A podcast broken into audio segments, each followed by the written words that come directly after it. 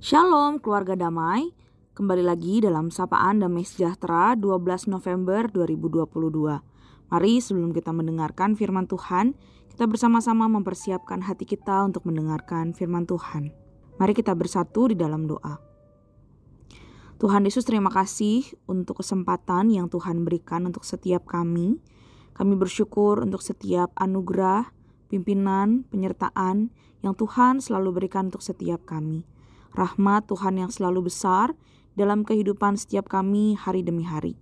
Dan kami rindu ya Tuhan, anugerah Tuhan itulah yang memampukan kami untuk menjalani kehidupan kami, untuk tetap setia sampai akhir kehidupan kami. Oleh sebab itu kami memerlukan firman Tuhan untuk membimbing hidup kami, untuk menuntun kehidupan kami, sungguh-sungguh melakukan apa yang menjadi kehendak Tuhan di dalam kehidupan kami. Terima kasih Tuhan Yesus. Dalam nama Tuhan Yesus kami siap untuk mendengarkan firman-Mu. Amin. Bapak Ibu Saudara, pembacaan firman Tuhan kita pada hari ini terambil dari Lukas pasal 17 ayat ke-20 hingga ayatnya yang ke-37. Lukas pasal 17 ayat yang ke-20 hingga ayatnya yang ke-37. Demikian bunyi firman Tuhan. Kedatangan kerajaan Allah. Atas pertanyaan orang-orang Farisi, apabila kerajaan Allah akan datang? Yesus menjawab, katanya, kerajaan Allah datang tanpa tanda-tanda lahiriah. Juga orang tidak dapat mengatakan, lihat, ia ada di sini atau ia ada di sana. Sebab sesungguhnya kerajaan Allah ada di antara kamu. Dan ia berkata kepada murid-muridnya, akan datang waktunya kamu ingin melihat satu daripada hari-hari anak manusia itu dan kamu tidak akan melihatnya dan orang akan berkata kepadamu, "Lihat, ia ada di, di sana. Lihat, dia ada di sini." Jangan kamu pergi ke situ. Jangan kamu ikut. Sebab sama seperti kilat memancar dari ujung langit yang satu ke ujung yang langit yang lain, demikian pula lah kelak halnya anak manusia pada hari kedatangannya. Tetapi ia harus menanggung banyak penderitaan dahulu dan ditolak oleh angkatan ini. Dan sama seperti terjadi pada zaman Nuh, Demikian pula lah halnya kelak pada hari-hari anak manusia. Mereka makan dan minum, mereka kawin dan dikawinkan sampai kepada hari Nuh masuk ke dalam bahtera. Lalu datanglah air bah dan membinasakan mereka semua. Demikian juga seperti yang terjadi di zaman Lot. Mereka makan dan minum, mereka membeli dan menjual, mereka menanam dan membangun. Tetapi pada hari Lot pergi keluar dari Sodom, turunlah hujan api dan hujan belerang dari langit dan membinasakan mereka semua. Demikianlah halnya dengan kelak pada hari di mana anak manusia menyatakan dirinya. Barang siapa pada hari itu sedang di peranginan di atas rumah dan barang-barangnya ada di dalam rumah, janganlah ia turun untuk mengambilnya. Dan demikian juga orang yang sedang di ladang, janganlah ia kembali. Ingatlah akan istri Lot. Barang siapa berusaha memelihara nyawanya, ia akan kehilangan nyawanya dan barang siapa kehilangan nyawanya, ia akan menyelamatkan nyawanya. Aku berkata kepadamu, pada malam itu ada dua orang di atas satu tempat tidur, yang seorang, seorang akan dibawa dan yang lain akan ditinggalkan. Ada dua orang perempuan yang bersama-sama menghilang, yang seorang akan dibawa dan yang lain akan ditinggalkan. Kalau ada dua orang di ladang, yang seorang akan dibawa dan yang lain akan ditinggalkan. Kata mereka kepada Yesus, "Di mana Tuhan?" Katanya kepada mereka, di mana ada mayat, di situ berkerumun burung nasar. Sedemikian jauh pembacaan firman Tuhan kita pada hari ini. Bapak Ibu Saudara, tema kita pada hari ini adalah kerajaan Allah di dunia. Mungkin Bapak Ibu Saudara, Anda masih mengingat beberapa kali muncul nubuat-nubuat mengenai kedatangan Yesus kedua kali dalam dua dekade terakhir ini. Bukan hanya melanda mancanegara, tetapi juga di Indonesia. Berita-berita ini menjadi isu yang hangat dan sangat menggairahkan.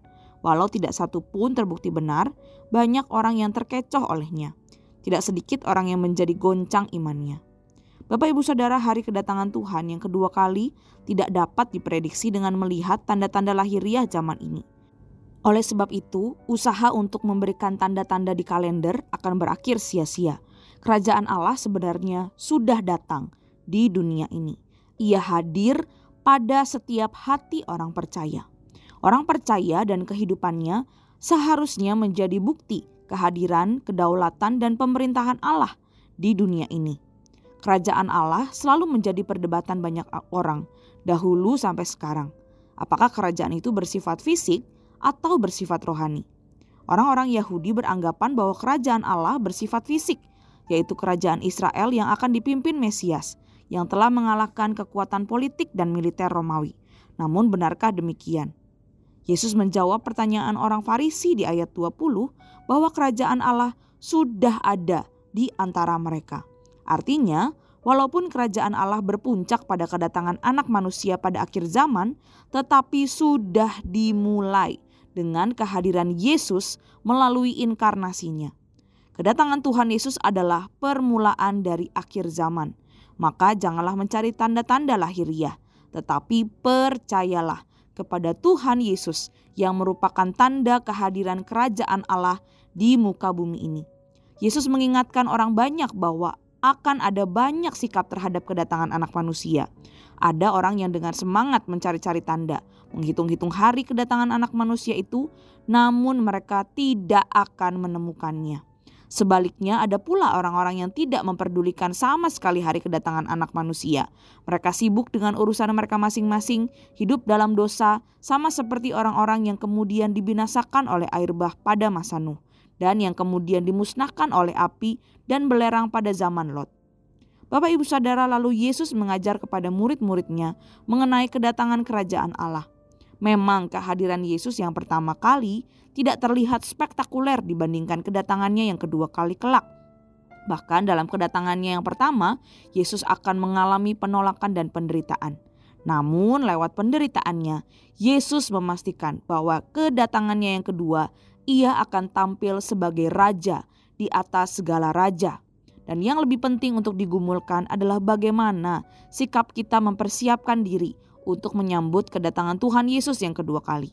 Yesus memakai contoh di Perjanjian Lama, yaitu masa Nuh dan Lot. Pada kedua masa tersebut, orang-orang di sekeliling Nuh dan Lot tidak memperdulikan peringatan Allah akan agar mereka bertobat. Akibatnya, ketika waktu Tuhan tiba, mereka ditinggalkan dan dibinasakan. Kedatangan Tuhan Yesus kedua kali, kalau direspon dengan sikap masa bodoh, akan berakibat pada penyelesai penyesalan yang terlambat. Siapa yang menyepelekan anak manusia tidak akan bisa menyelamatkan diri pada saat kedatangannya kelak.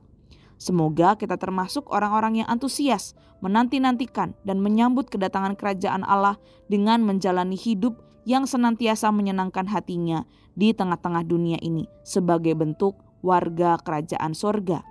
Mari Bapak Ibu Saudara kita terus menantikan kedatangan Tuhan Yesus kedua kali dengan mengingat hidup kita sebagai warga kerajaan Allah di dunia ini dan kiranya Tuhan memampukan kita tetap setia sampai kedatangannya yang kedua kali. Mari Bapak Ibu Saudara, kita merenungkan firman Tuhan ini, kita bersama-sama bersatu di dalam doa. Tuhan Yesus terima kasih karena Tuhan Yesus mau datang ke dunia menjadi manusia untuk menebus dosa kami. Dan di saat itulah kerajaan Allah hadir di tengah-tengah dunia ini. Bagaimana kami dibebaskan dari kuasa dosa dan kami hidup sebagai anak-anak Tuhan di dunia ini. Oleh sebab itu ya Tuhan, kami hidup sebagai anak-anak Tuhan, kami masih terus memerlukan tangan Tuhan, pertolongan Tuhan. Untuk kami tetap setia di dalam iman kami, kehidupan kami percaya kepada Tuhan. Kami rindu Engkau sendiri yang menolong ya Tuhan. Dalam setiap tantangan kehidupan, pergumulan kehidupan, kesakitan, pergumulan akan kehidupan kami, itu tidak menghalangi kami untuk hidup memuliakan Tuhan. Kami rindu hidup sebagai warga kerajaan sorga di tengah dunia ini. Sampai Tuhan Yesus datang kedua kalinya. Oleh sebab itu ya Tuhan, tolong kami untuk tetap setia sampai akhir hidup kami. Sampai Tuhan hadir di tengah-tengah dunia ini, Engkau sendiri yang menolong menolong kami untuk tetap setia kepada Tuhan dan melakukan apa yang Tuhan inginkan, yaitu memberitakan Injil Tuhan ke mana pun kami pergi. Terima kasih Tuhan Yesus, di dalam nama Tuhan Yesus kami menyerahkan kehidupan kami. Amin. Selamat beraktivitas Bapak Ibu Saudara, Tuhan Yesus memberkati setiap kita.